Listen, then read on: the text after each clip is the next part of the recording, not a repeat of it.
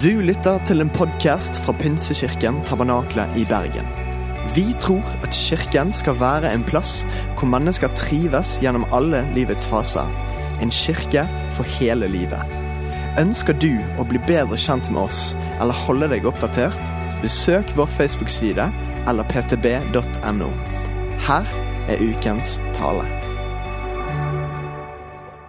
Kjempebra. Flott å være i tabernakelet. Helt fantastisk. Koselig å se den enkelte av dere. Eh, Jeg har snakket med mange allerede, og det er veldig internasjonal menighet her.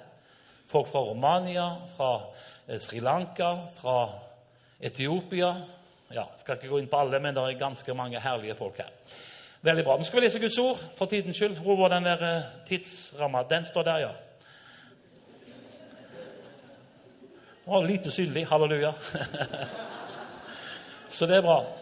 Da leser vi fra andre kongebok eh, 6. Og hvis du får det på storskjerm, så er det veldig bra, broder. Så der, ja. Eh, men jeg leser det her.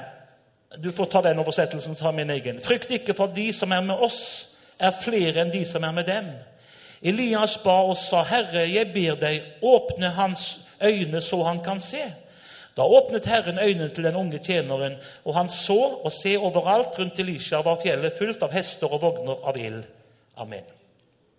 Du kjenner situasjonen som vi leser om her. Det var hele eh, eh, altså Elisha og eh, tjeneren hans, Gehazi, de var omringet av en hel hær. Og de var livredde. Spesielt drengen. Han var ikke så veldig trena i åndelig krigføring. Så han eh, tenkte dette her går rett på dunken. For han regnet kun med det som faktisk talt han så med det fysiske øyet. Men Elisha han sa, 'Herre, åpne øynene på han, så han ikke trenger å frykte mer.' For de som er med oss, er flere enn de som er med dem. Mente han da at han hadde en større herre rundt seg? Nei, Elisha talte om det faktum at den åndelige verden, den er virkelig.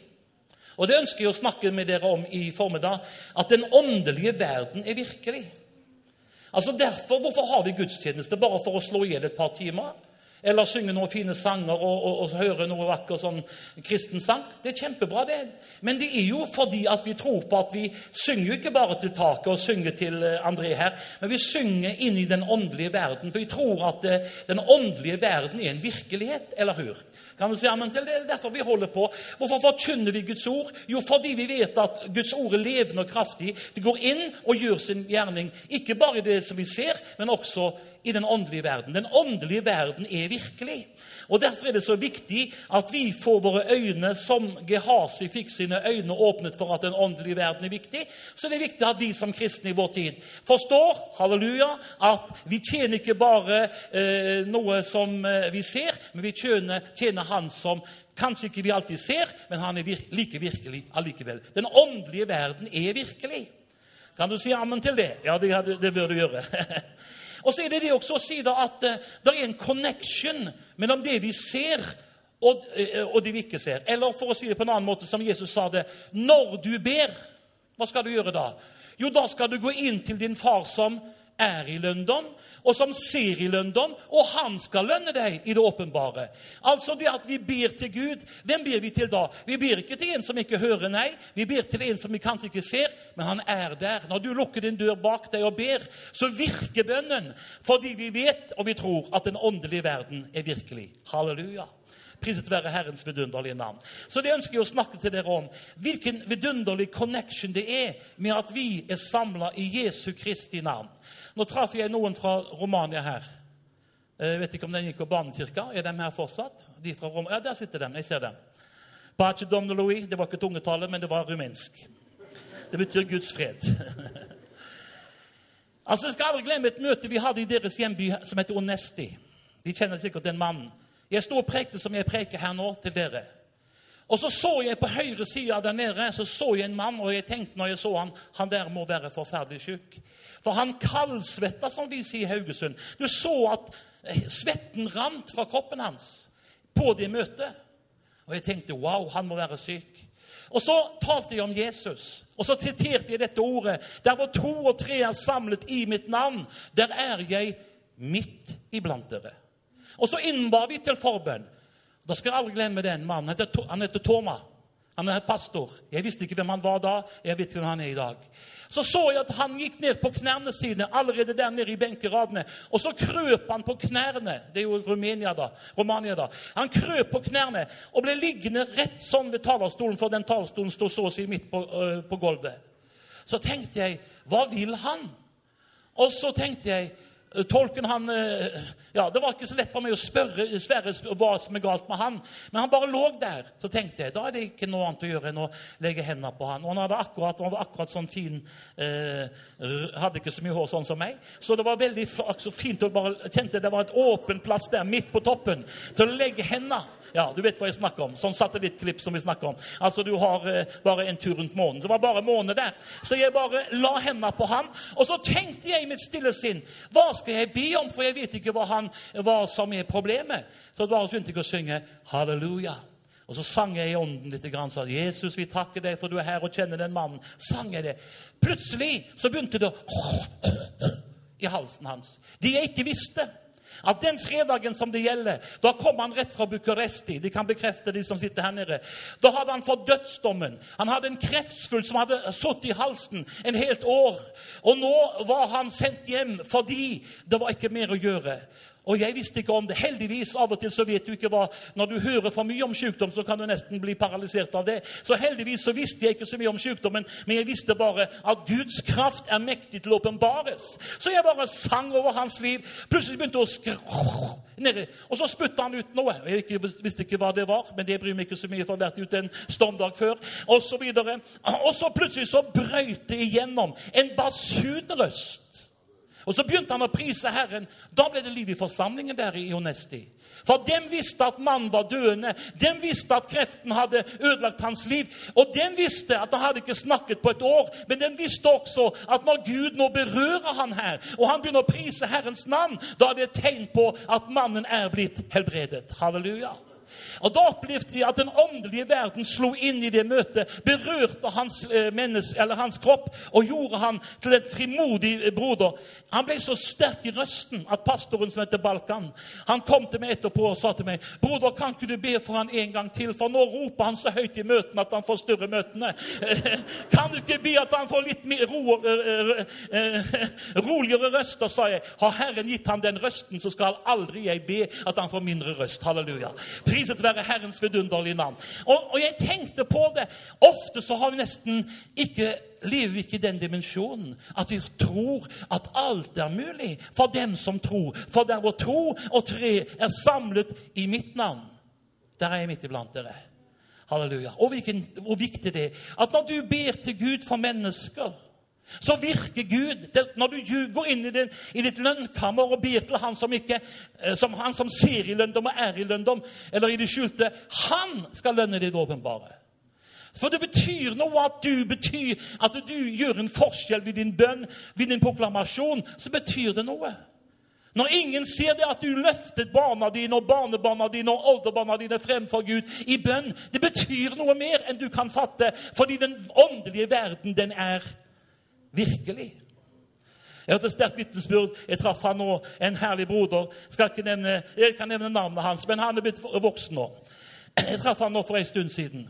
Han heter Viggo Wilhelmsen. Noen av dere kjenner han. Hans historie er jo vidunderlig, som bare viser hvor kraftfullt det er at vi ber for de vi er glad i. Han var kaptein på sjøen og levde, som, eh, som, han sa, eh, med mye penger og fest og tur og kvinnfolk og, og drikking når han var i land. Så livet hans gikk jo bare én vei. Det var nedover i tragedie. Han ble dypt deprimert. Og Så kom han hjem, og så sa mammaen til han, 'Viggo, jeg ber for deg hver dag.' Ah, slutt med det der visvaset der. Jeg gidder ikke å høre på det. Det virker ikke allikevel. Bare glem det! Og Så reiste han på sjøen igjen, så sa mammaen, 'Viggo, jeg ber for deg.' hver eneste dag, som du ble så fint sa her, at noen blir bedt for hver dag. Og så sier, hør nå hva jeg sier, så sier mora til han, 'Jeg har sendt med meg Bibelen, Viggo.' Så hvis du trenger den, så vet du at den ligger i kofferten din. Så ikke glem at Jesus han følger deg på tross av alt. Og Han var dypt deprimert. Han hadde alt hva verden kunne kjøpe. Han har penger og, og, materialisme. Men dypt i hjertet, som så mange andre mennesker som har alt, var han deprimert nedfor. Og En kveld ute på Atlanterhavet hadde Viggo bestemt seg for nå orker jeg ikke å leve mer. Nå bare gjør jeg slutt. Og Han hadde øh, planen i orden. Han skulle gå bak på, på enden på båten og, og skrev over holdt på å si, gjerdet der og gi seg ut i Atlanteren, for han visste da da drukner jeg snart. Og Så går han da på, ut på sånt på midnattstid i tolvtida bak der i båten. Viggo Wilhelmsen. Og så skal han til da og skrive over og skal hive seg utpå. Plutselig så hører han en røst bak seg som sier, 'Viggo, dette er ikke veien som jeg har for deg.' Så tenkte han i alle dager hvem er det? Han snur seg, for han tenkte det var noen sjømenn som ville hindre han å gjøre det han gjorde, så han skulle til å nokke dem ned. Men der var det ikke noen, og da hadde det ikke lett å slå. Så tenkte han dette her er noe helt sprøtt. Så han, prøver han å hoppe en gang til, skriver over, over uh, relinga, og så skal han til å sparke fra. Da kommer røsten andre gang og sier, 'Viggo, dette er ikke veien for deg. Jeg har en annen plan for ditt liv.' Så snur han seg. Der er ingen der. Men Viggo visste med en gang at dette har med mammas Gud å gjøre. Han som hun ber til, han er her for å berge mitt liv i min desperasjon. Og Så går han tilbake til lugaren og er helt fortvila og bare finner Bibelen som ligger nede i kofferten, og åpner tilfeldig. Og hans øyne faller på Johannes 3, 16, der det står skrevet For så høyt har Gud elsket verden for at han ga sin sønn den enbårne, for at verden som tror på ham, ikke skal fortapes, men ha evig liv. Og Så gir Viggo Wilhelmsen sitt liv til Jesus, og så vet vi historien. halleluja. Han ble en Herrens tjener og preket evangeliet i mange nasjoner og forkynt om ham som er i går i dag den samme ja til evig tid. Men connection mellom den åndelige verden, mammas bønner og Viggos frelse, den er så åpenbart at vi trenger å lære det faktum halleluja, at den åndelige verden den er mye mer tilstedeværende enn du kan fatte. Så vi trenger å få våre øyne åpnet for det faktum at det er makt i bønn når vi ber i det navn som er over alle andre navn. Den åndelige verden, den er virkelig. Priset være Herrens vidunderlige navn. Og Det er så viktig at vi forstår det faktum, for du forstår gjennombrudd for Norge og for mennesker. Det går faktisk talt på dette, denne veien. At det var mennesker løfte opp navnet til Jesus. Der hvor mennesker i, i, med hjertets oppriktighet ber til Gud, der hvor mennesker proklamerer Guds ord, der virker Gud. Og der er Gud i virksomhet i den åndelige verden, som vi sier. Og Gud virker på de menneskene som vi ber for. Halleluja. Så du vet at det er et herlig møte her i formiddag. Fordi at uante ting kan skje. Vet du hvorfor det? Jo, fordi vi tror på at himmelens herskere er til stede der hvor Guds folk er samla i Jesu Kristi navn. Ikke bare å se på en herlig broder som, eh, som går, med, går fram og tilbake for å trimme samtidig som han preker. Nei, du ser eh, Det er noe mer som er her. Den hellige ånd er virksom her. Guds ord er virksom her. Og Guds engler er til stede her. Og du forstår at de er her for å fortelle deg at med evig kjærlighet har jeg elsket deg. Derfor har jeg latt min miskunnhet mot deg være ved. Gud kjenner deg. Han ser deg, og han vet mer om deg enn du kan fatte. For den åndelige verden, den er virkelig. Det er sant, det jeg sier. Gud kjenner deg mye bedre enn jeg kjenner. Jeg kjenner ikke så mange av dere. Noen av dere har jeg jo sett før. André vet jeg navnet på. Birkeland. Men ellers er det svært få av dere jeg kan ta på navn. altså. Men Gud, forstår du, han kjenner deg. Han vet om deg, og han vet om den situasjonen som du er i. Og han ser ikke som du ser på det utvortes. Gud ser på hjertet. Gud kjenner hjertet ditt. Det er fantastisk å tenke på at Gud kjenner hjertets lengsel. Jeg husker en gammel dame på Karmøy. Jeg har sikkert fortalt den før, men den er jo veldig god uansett. Hun kom til meg en dag jeg hadde preka på Karmøy, og så sa hun til meg nå skal du se meg rett fram Halvard Hasløy. Er vil vite? seg? Hun virka litt sånn pågående, så du vet, jeg er livredd for gamle damer som er veldig på hugget. Så for dem jeg kan finne på litt av hvert, så sa jeg til henne hva er det du vil vite. Ja, det var en predikant her som prekte om at det var synd å sminke seg i forrige uke, sa hun. Og nå vil jeg vite hva mener du om det. Er det synd å sminke seg? Så sa jeg har jeg prekt om sminke seg? Nei, sa hun. Ja, men jeg vil vite hva du mener. Snakket sånn fullfart uh, via-dialekt. Da må du ha tydningens gave for å forstå hva han sier. Og så sier jeg til henne ja, vil du vite hva jeg mener, si? Ja, det vil jeg vite. Er det synd å sminke seg? Så jo eldre du blir, jo mer trenger du. Hva mener du med det? Så sier 'Alle gamle hus på Karmøy nå sier jeg trenger et strøk med maling for å holde fasaden i orden.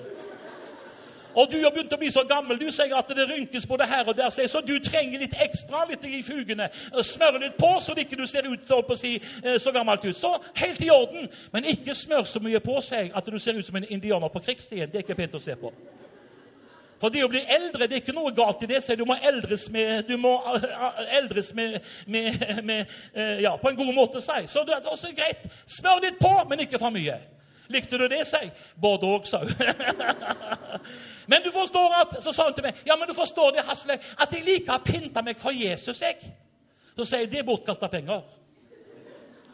Hva mener du med det? Jo, for Bibelen sier så veldig tydelig at Gud ser ikke som vi ser. Han ser ikke på det utvortes. Han ser på hjertet. Gud kjenner hjertet ditt. Det er det han gjør. Han ser deg når ikke du håper å har, har, kraft til å uttrykke hva skal jeg si, den bønnen du skulle be en gang. Så kjenner, Da står han og han går i forbund for oss med, med sukk. Gud kjenner hjertets sukk. Han ser deg. Og han, den åndelige verden er virkelig mye mer enn det du forstår. Halleluja. Og Derfor så er jeg frimodig når jeg forkynner evangeliet eh, i Ukraina og i Norge. For jeg vet det at den hellige ånd virker når jeg proklamerer Guds ord. Så, hører den, så er Den hellige ånd der, og så stadfester han ordet med de tegn som følger med. Han berører hjertet ditt. Han berører ditt indre menneske, og han vil vise deg den åndelige verden er faktisk talt virkelig. Og han ser hjertet ditt. Og Derfor er det viktig at når du ber, så be av hjertet, og ikke bare be for mennesker sjøl. For det hjelper ikke allikevel. Det er bedre å be korte bønner enn svære, lange bønner som Herren aldri lønner. ikke sant? Så det er viktig å be bønner som kommer fra hjertet. Når Peter holdt på å drukne på Ganisaretsjøen, så hadde han tatt en sånn lang som ofte vi ber i kirkene, så hadde han drukna med en gang. vet du. Men han, han sa bare 'Herre frels'. Det var to ord, det. Det var nok, det. Så var Herrens kraft der og løfta han ut. Det er ikke de svære bønnene som kommer an på, men det er hjertebønnene som Gud ser til. For den åndelige verden, den ser ikke, Gud ser ikke som vi ser. Han ser hjertet ditt. Han kjenner din lengsel, og osv. Og, og han vet at når du virkelig legger hjertet i det det er en sterk historie fra Ukraina. da. Den, Vi opplever sterke ting der. siste jeg var der nede bare for en uke siden, så var vi på et lite møte der de hadde 100 mennesker generelt på møtet. sånn sett. Vi hadde 550 på det møtet. 350 ble frelst. Mennesker kom fram og fortalte vitnesbyrd, så jeg tenkte wow. Og du så det var ei eldre dame, hun hadde hatt kreft i begge eh, brystene. Og jeg hadde bedt for henne for, for en stund siden. Og når hun var til legen, så sa hun han fant ingenting. Så tusen takk for at du ba for meg. Jeg må være helt ærlig, jeg ba ikke noe mer kraftfullt der enn jeg ber i Norge. Men det har kanskje med hjertets lengsel De har jo, ikke, de har jo ingenting. Så hvis du blir sjuk der, så er du egentlig dømt til å, nesten å dø, for de må betale medisinene sjøl. De har jo ingenting. Så når vi preker om da at Jesus kan røre ved mennesker, så, så er det litt mer sug i dem enn ofte i uh, uh, Du gamle, du fria, du fjellhøga nord. Ikke sant? Det var jo svenskene, da, men jeg tenker vi skal spille fotballkamp mot dem i kveld. så det gjelder å... Ikke sant? Men Gud ser hjertene. Men en, en, en opplevelse fra byen Korostitsjev, en liten by som ikke dere kjenner Den er på en 250 000-300 000, så det er en liten by i Ukraina. Og så er det et møte der, sånn som vi har et møte i formiddag. Forhistorien er dette at en dag så er det en, past, er det en mann som heter Valdemar Vladimir. Han har blitt alkoholisert gjennom hele livet. Alkohol flyter av i Ukraina. Han har drukket så mye av hjemmebrent at til slutt så får han fylleslag. Og så slår det inn i kroppen på han. Hans indre organer går i oppløsning. Bang, sier det, så ler han kjørt på sykehus med ambulanse. I koma. Fylleslag og koma. Og Så kommer legene, og så sier de han, sammen med faren står der, og så sier legene vi har ikke hjelp til slike mennesker som han. Vi kan jo ikke hjelpe eh, vanlige folk. Han der er der bryr oss ikke om i hele tatt. Forbered begravelsen. Han er allerede død. Men for dem var det noen alkoholiker som skulle dø. Men for pappa så var det gutten hans. Og da er det en stor forskjell på hvordan det er når du ser på mennesker. Det er ofte, ofte, når Du ber ofte mer inderlig når det er dine egne. Dessverre. Ofte litt sånt. Så sier pappaen kan ikke gjøre noe for han. Nei, sa dem, jeg kan ikke gjøre noe. Da vil jeg gå til menigheten der borte, pinsemenigheten, for der ber den for syke gratis. For i ortodokse kirker betaler du for å bli bedt for av presten. Så der blir de gratis. Bare gå, du, sa han. Det kan ikke gjøre for vondt. Gjøre noe galt. Og Så går han til kirka så sier han, 'Vil dere være så snill å be for sønnen min Valodi?' Han ligger på sykehuset i koma. Og Da var hans indre organer begynt å gå i oppløsning, og det rant ting ut fra kroppen hans fordi hans, hans kropp var i ferd med å ta kvelden. Da sier han, 'Vil dere være så snill å be for gutten min, Valodi?' Fordi han ligger på det siste. Kanskje Gud kan gi ham en second chance. Ja, vi skal be. Og så ba de som vi ofte ber når det ikke er våre egne. De, de ber sånt. 'Ja, takk for du ser den gutten her, og du ser den mannen, og du ser den dama.' Ja. Men når det er dine egne, da ber vi litt annerledes. Og mens de ber, til ei ung dame i menigheten der som hører Gud si rett til hjertet sitt Hvorfor ber du så lite inderlig for den gutten som, uh, ligger på, den mannen som ligger på sykehuset? Og Hun fikk sjokk, for hun hadde aldri forventa at Gud kunne se hvordan hun ba. Men Gud ser det, ser du. Ikke for å fordømme det, men Gud ser han når vi har hjertet med på det vi holder på med. Da står det i Skriften at eh, de tjente han uten at hjertet var med. Det er viktig at det er hjertet vi har med i det vi holder på med. Så, så, så, ble, så sier Herren til henne, 'Hvis det var mannen din som lå der, hvordan ville du da ha bedt?' Da fikk hun helt sjokk. Så sa han, 'Kjære Gud, det er det så alvorlig?' Da fikk hun på talerstolen og sa du, vi må be en gang til for den gutten. For Gud har en plan med hans liv. La oss rope til Gud for ham. Og så ropte de til Gud. Og når de roper til Gud i Ukraina, så roper de til Gud. Da er det ikke milde Jesus du som sagt, altså, men da er det, da er det bånn gass. Halleluja. Og Av og til så, så må vi altså Det de engasjerer oss fullt ut, det vi holder på med. Ikke sant? Så da roper de til Gud. Og En gammel babuska hun sier da at å, nå ser jeg Jesus er på sykehuset der og rører ved han. Skal du høre sterkt vitnesbyrd? Neste søndag kommer det en mann pent pynta inn i forsamlingen, og så sier han Forrige søndag ba dere for meg, jeg lå i koma, og mens dere ba, så så jeg et syn om at Jesus kommer til meg og rører ved meg og rørte ved mitt indre menneske. Og nå så er jeg frisk, og jeg er løst fra alkoholen. Kan jeg få lov til å bli døpt og tilhøre denne menigheten? Og de sa jo halleluja, shakabahaya, full pakke, ikke sant? Og han ble døpt. Vet du hvor han er i dag? Han er pastor i den menigheten og en levende vitnesbyrd at det det som er umulig for Herren, nei, for mennesker, det er mulig for Gud. Halleluja. For den åndelige verden følger med på hvordan vi ber. Ikke misforstå det jeg sier. Jeg sier, taler til meg sjøl hvor viktig det er at vi forstår at vi ber jo ikke bare til taket, men vi ber til Ham som er i lønndom og ser i lønndom, og som kan komme og hjelpe oss og fri oss ut. Det er kraft i den bønnen som bes i navnet Jesus. Og vet du hva for noe? Vet du hvem som ble kona hans? Ja, Det skal du høre. Det var hun som hørte Herren si hvis det var mannen din som lå der. Det ble mannen hennes. Det er farlig å be. Du kan få en ny mann, holdt på å si. Jeg håper ikke du trenger å be om det, altså. Men det ble mannen hennes. Og de hadde sagt til han på sykehuset at du kom til å være impotent hele livet. du kom ikke til å ha sjanse til å få barn.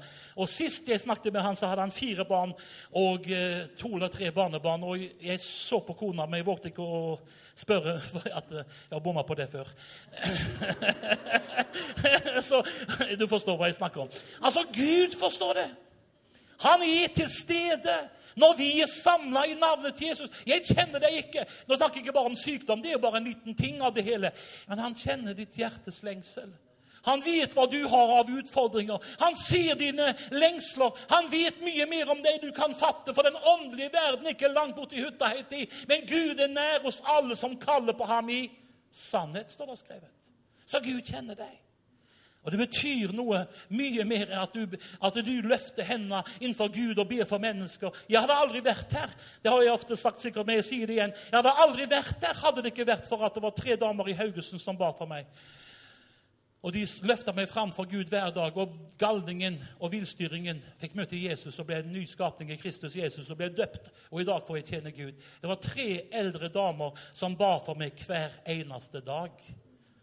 Halleluja for tre gamle damer halleluja, som tjente Gud fordi de hadde fått det på sitt hjerte at Halvard skal bli en, en, en forkynner av Guds nåde.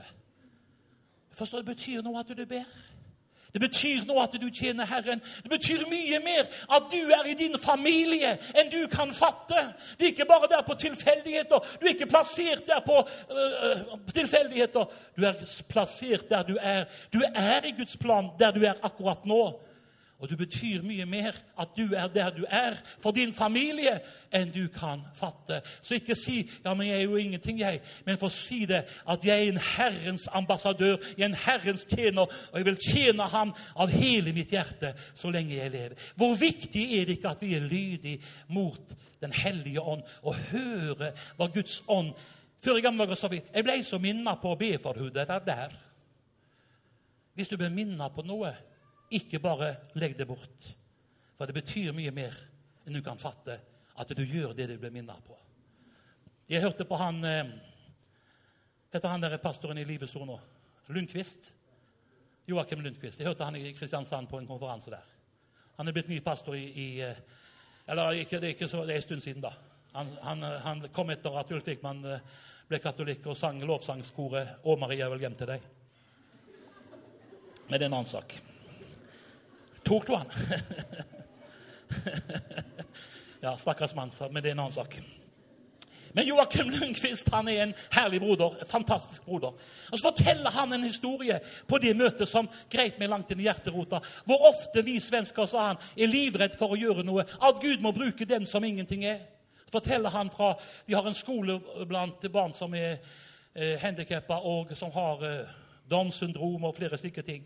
Og så er læreren for den klassen i Uppsala i sentrum en formiddag for å vise dem hvordan samfunnet fungerer.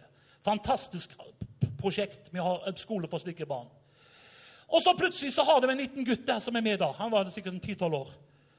Og de eh, viste han frem. Plutselig så står han rett på torget der og så begynner han å synge en sang høyt på torget. Og lærerinna ble litt forfjamsa for tenkte som svensken som han sa, Lundqvisten er jo livredd for å, å skille seg ut. Det er hele tiden. Så han sto der og sang. Der står et, et, et, et tre i min, i min tregård, et, vakkert tre som jeg elsket fra min barn. Så synger han en sang som en svensk folkevise. Og hun tenker seg stille for det første, hvordan kan han den sangen? Og for det andre, hvorfor synger han den så høyt frimodig akkurat nå? Men hun bare tenkte å, jeg kan ikke si noe på det. Så går det noen strakser, så står hun der med gruppa si. Så kommer det ei dame bort. En svensk dame, og så sier hun Unnskyld at jeg spør. Unnskyld at jeg spør. Men hvorfor sang den gutten, gutten den sangen på torget i dag? Ja, det vet jeg ikke, sa han. Så sa hun, men det vet jeg. Og så sier hun i dag hadde jeg, er så deprimert at hun hadde bestemt seg for å gjøre slutt på livet, som en svensken sa. Men jeg sa at hvis du fins der ute, Gud, så, så, vil jeg som et tegn på at du fins, høre den sangen når jeg går på Stortorvet i Uppsala. Der står et tre i min tredgård. Hvis jeg hører den, så skal jeg vite at du ser meg, og du kjenner meg, og du vil noe annet med mitt liv. Og Så står den mongolide gutten og synger 'Det står et vakkert tred i min tredgård'. Og så tenker de i alle dager Så sa han 'Ja, vet nå at Gud fins'. Og så spurte hun øh, hvorfor sang du den sangen. 'Hvilken sang?' sa han. Han hadde glemt den allerede. Men da sa hun, da beviste Gud for meg, sa Lund, øh, Lundqvisten, at Gud kan bruke Vi svensker vi hadde aldri gjort Om du hadde tatt ti galne hester, sa han, hadde aldri gjort det på torget i Uppsala. Men han, lille pojken, sa han, han hadde ingen begrensninger. Han bare gjorde hva han kjente seg mana til, og det ble til frelsning for denne damen. Og da tenkte jeg glorificado el nomero de Cristo. Det er ikke tungetallet, det er spansk. Og det betyr 'priset være Herrens vidunderlige navn'. Tenk hvor viktig det er at vi gjør det vi blir minnet på å gjøre.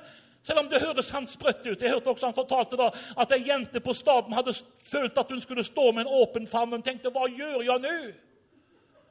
Så kom det ei som bare storgråtende springer inn i hennes favn. Og det er også en sånn selvmordsprosjekt fra ei ung jente som hadde mista alt i livet og tenkte at det her går ikke. Hun tenkte ja, jeg må ha noen som kramer meg. Så står hun der med en favn. Og det ble til frelse. De tilhører begge de to menneskene livets ord i Uppsala. Glorificado, selvnombre. Den åndelige verden, den er virkelig. Det er ikke bare tilfeldig, det vi gjør. Det har stor betydning for mennesker. Og Så sier de ja, men jeg kan jo ikke bli sånn som deg. Nei, det skal du være glad for. Og jeg takker Gud for at jeg slipper å være som deg. Det er slitsomt å være andre enn det som vi er kalt til å være. Vær deg selv.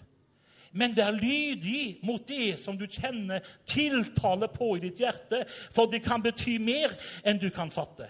Tre minutter og 55 igjen. Nå skal jeg snart være ferdig. Predikantene sier de skal snart være ferdig, blir aldri ferdig, vet du. Du hørte om han predikanten i, i, i på Ryfylke som sa i dag har jeg preika lenge, sa han, for jeg har glemt klokka hjemme.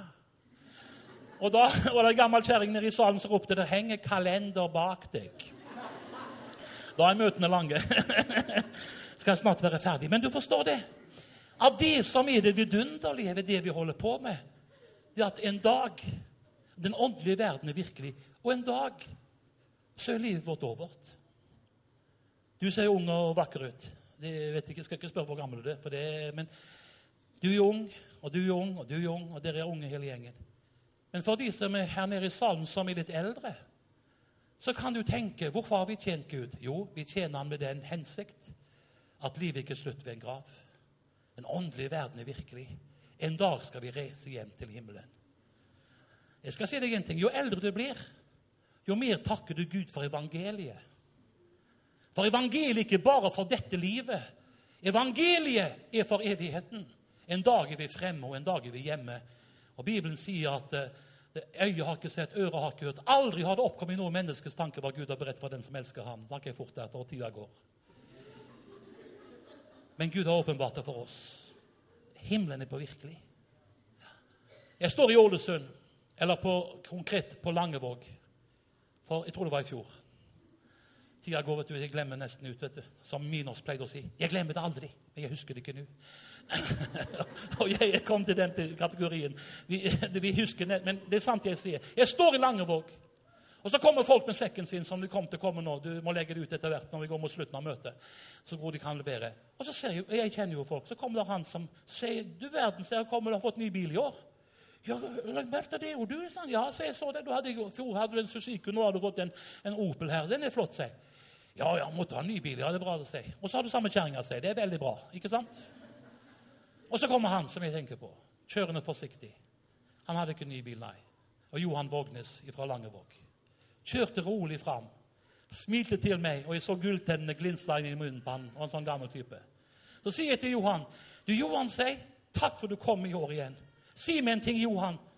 Du må jo være oppi åra, du, nå. Ja, 90 år i år, sa han. 90 år, sier Både tenner og hår. Det er jo fantastisk. Du, finere mann fra Frikirka Langevåg kan du ikke. Finere kristen kan du ikke se. Smilte han til meg med det vakre smilet sitt. Jeg så Guds kjærlighet strømte fra dette vakre, voksne ansiktet. Så sier jeg til han, du kom i år igjen. Takk skal du ha. 90 år, sa jeg til han. Det er en stor nåde. Det er ikke alle som blir 90 år. Nei, du vet det, Hasløy, at jeg døde for to år siden, sa han til meg. Så tenkte jeg, kjære Gud, han ble så gammel, ikke sant? Det var jo ikke rart at jeg tenkte det, for det var jo helt unormalt å si det som han sa. Så snudde jeg meg til han som sto ved siden av seg, til Helge Vågnes, som var søskenbarnet. Og sier har han begynt å bli røret i toppen nå. Og nei, nei, nei, nei, han har klur. Hør hva han forteller nå. Dette er sterkt, sa han. Så sier jeg, det må du forklare meg, Johan. sier, Jeg forstår ikke hva du sier. Ja, sa han, for to år siden nå, sa han, så smelte det i hjertet. Og så for de ambulansen til Åse, sykehuset i Ålesund heter det. Og så lå jeg der, sa han. Og så tenkte jeg med stille sinn er det sånn jeg skal dø? Og så hørte legene si Det var to leger og en sykepleier på det rommet. Han her klarer vi ikke å berge. Han her klarer vi ikke å berge. Og så tenkte jeg ja, nå dør jeg. Og så sa han så får jeg ut av kroppen. ikke sant? Og jeg tenkte hvordan blir dette? Og så sa han beint fram på veggen på sykehuset. sa han. Der kom Jesus til meg. Og så sa han til meg, 'Johan Vågnes, er du redd å dø i dag?' 'Ja, jeg er redd', sa Johan til Jesus. 'For jeg ble frelst som en ungdom, og det vet du, Jesus.' Ja, Jesus sa, 'Det vet jeg, men, pro men poenget er hvis du dør, hvordan går det med Gunvor?' Han kjente navnet på kona hans. 'Ja, hun går det dårlig med', sa han, 'for hun er skral til kroppen.' Ja, sa Jesus, 'Det er derfor du ikke får lov til å flytte i dag.' Men du må tilbake. De kommer til å operere deg litt i hjertet, og så får du flere år på livet. Og så sier, sier, han, 'Ja, ja, Jesus, du bestemmer.' Så får de tilbake. ikke sant? Og så sier han til meg, 'Hør nå. Jeg så inn i den staden der', sa han.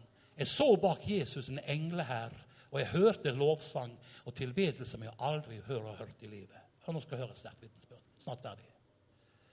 Så kom jeg tilbake, jeg. Og så våkner jeg til i kroppen, og så står legen der. Og så sier legen denne, 'Er du tilbake, Johan?' 'Ja.' Så begynner tårene å renne på overlegen. Så sier hun Si meg en ting, Johan Vågnes. Hvem var det du snakka med der borte med veggen? Hørte du det, sa Johan til henne. Ja, vi hørte, sa han, men vi så ingen. Så jeg tenkte, hvem er det han snakker med nå? Vi hørte du preikte der borte. Hvem var det? Det var Jesus, det, sa han. Jeg regnet med det, sa hun. Tenk, du er heldig, Johan Vågnes, som har så sterk tro. En så levende tro. Tenk hvilken velsignelse.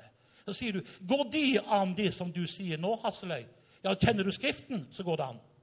Hva Har du lest om Saulus fra Tarsus når han kommer på Damaskusveien? Så hørte han røsten som sa, 'Saul, Saul, hvorfor forfølger du meg?' Og så står det skrevet De som var med ham på reisen, de hørte røsten, men de så ingen. Og så sier Johan, og så fiksa de på hjertet mitt. Og jeg vitna for dem og sa du må ta imot Jesus, dere òg, for det er det viktigste i livet. For vi skal ikke leve her alltid. Nei, men det vet vi, sa hun overlegen. Og så var Johan tilbake. Og så så, så jeg tårene, så tenkte jeg wow, dette er sterkt. Så sa jeg til Johan dette er sterkt, du må få klemme deg nå. Johan. Dette var sterkt, berørte meg, sier langt inn i hjerterota. Så sier han skal to minutter, så er jeg ferdig. Jeg vet at tida har gått, men jeg, derfor står jeg her nede. Halleluja! Når to minutter, er jeg ferdig. Skal jeg høre, Bare gå på dere som elsker å synge lovsang. Hør nå. Så sier Johan til meg Hør nå hva han sier. Men veit du, sa han Hasseløy. Nei, sa det vet jeg ikke. Jesus kom tilbake, han tre-fire måneder etterpå. Ja, han fysisk Ja, sa han. Det gjorde han. Ja, jeg sier, Hvor skjedde det? Ute, ute i verkstedet min, sa han. Jeg var hjemme der og holdt på å stelle med noe. Jeg, sa han. han hadde vært drevet med bilverksted før. Og Plutselig så satt Jesus der, han igjen. Og da tenkte jeg, å kjære Gud, nå, nå skal jeg fære. Nei, sa Jesus. Johan, ja, sist jeg var hos deg, da trengte du meg. Men i dag trenger jeg deg. Ja, hva kan jeg gjøre for deg, Jesus? Jo, sa Jesus, det er en vekkelse i Afrika. Tusenvis av studenter ble frelst i en muslimsk del av uh, Afrika. Og de lengter etter mitt ord, men ingen gir dem mitt ord. Og ingen kan det. Men nå fins det to jeg tenkte på det med Ungdom i oppdrag. På Åse på Ungdom i oppdrag sin base der oppe i Ålesund. De vil reise, men de har ikke penger. Kan du gi det beløpet her, så Herren et beløp til ham, så vil du være sne, så vil du tjene meg. Ja, det skal jeg gjøre, sa han med en gang. Og så når Jesus hadde reist, sa han, så sendte de pengene. jeg. Og Så gikk det kanskje ei uke, sa han, og så fikk jeg et brev fra deg. Og så sto det Johan Vågnes, tusen takk for gaven du ga. Vi vet det var du som sendte gaven, men vi vet også at det var Herren som sendte han. For akkurat det beløpet som du satte inn på konto, var det beløpet de to menneskene ba til Gud om at de måtte få for å komme seg til Afrika. På prikken stemte beløpet, og nå er den på vei til å forkynne Guds ord blant muslimer i Afrika som har tatt imot Jesus. Kan du si amen? Halleluja, halleluja. Da så jeg, Klapp gjerne for det. Da så jeg på Johan, og så sa jeg nå må jeg klemme deg en gang til. Og så gjorde jeg det. Og nå skal jeg til Ålesund igjen, og jeg håper jeg treffer han, jeg vet ikke. Nå skal jeg slutte. Og nå har jeg slutta. Men det jeg ønsker bare å si til deg, det er dette. Ikke bare lev i den tilværelsen der du ser på omstendighetene og tenker at dette her ser håpløst ut. Dette her er vanskelig. Dette her går ikke. Det er en Fader i det høye som Fader om hun om det bær. Det er en som ser deg, som kjenner deg, og som elsker deg med evig kjærlighet. Fader, vi ber i Jesu Kristi navn for hver enkelt mann og kvinne samla her i Pinsekirka Tabernakle Bergen i formiddag. Takk for vi trenger ikke stresse oss opp og kave oss opp, fordi du er mye nærmere enn vi kan forstå.